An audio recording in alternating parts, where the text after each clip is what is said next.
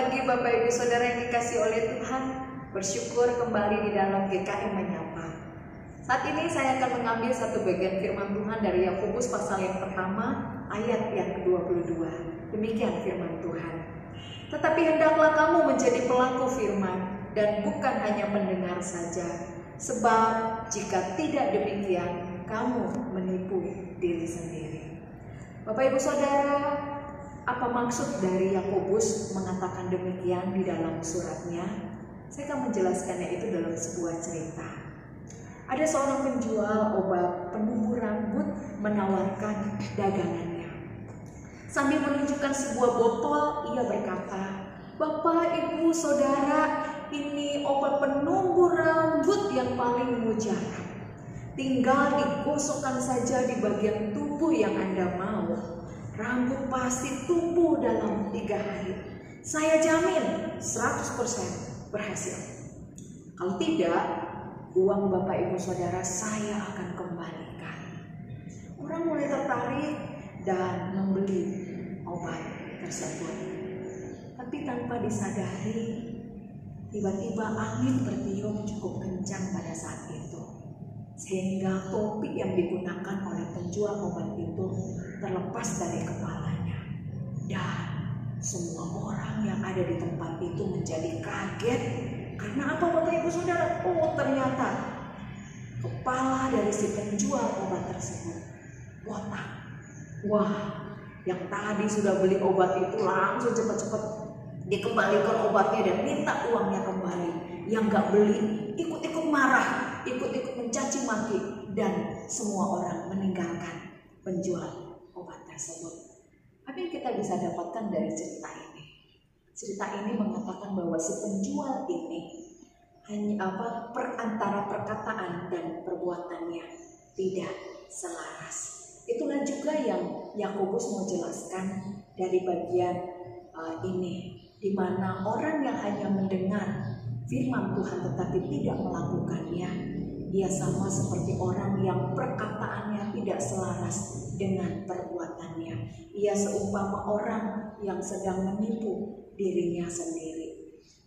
Yakobus juga pun menggambarkan orang yang demikian seumpama orang yang sedang mengamat-amati wajahnya atau dirinya di depan cermin dan ketika ia sudah pergi ia segera lupa bagaimana rupanya.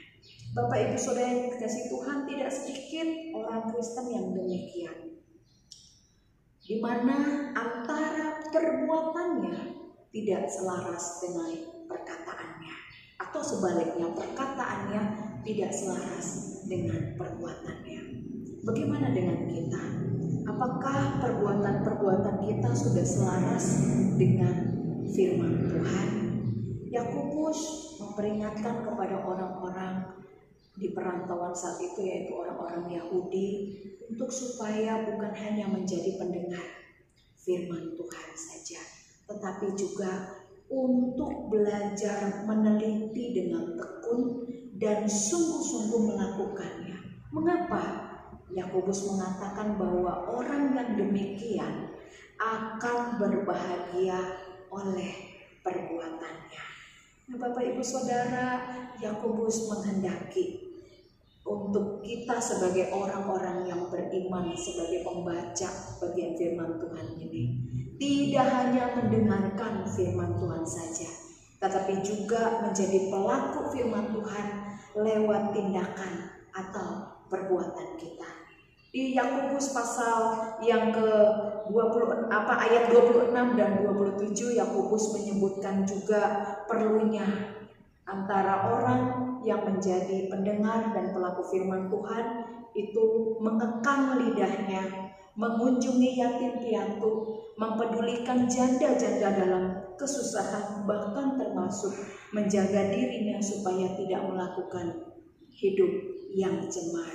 Bapak Ibu Saudara, demikianlah yang mau disampaikan oleh Yakobus kepada kita. Mari kita dengan jujur di hadapan Tuhan apakah hidup kita sudah selaras dengan firman-Nya.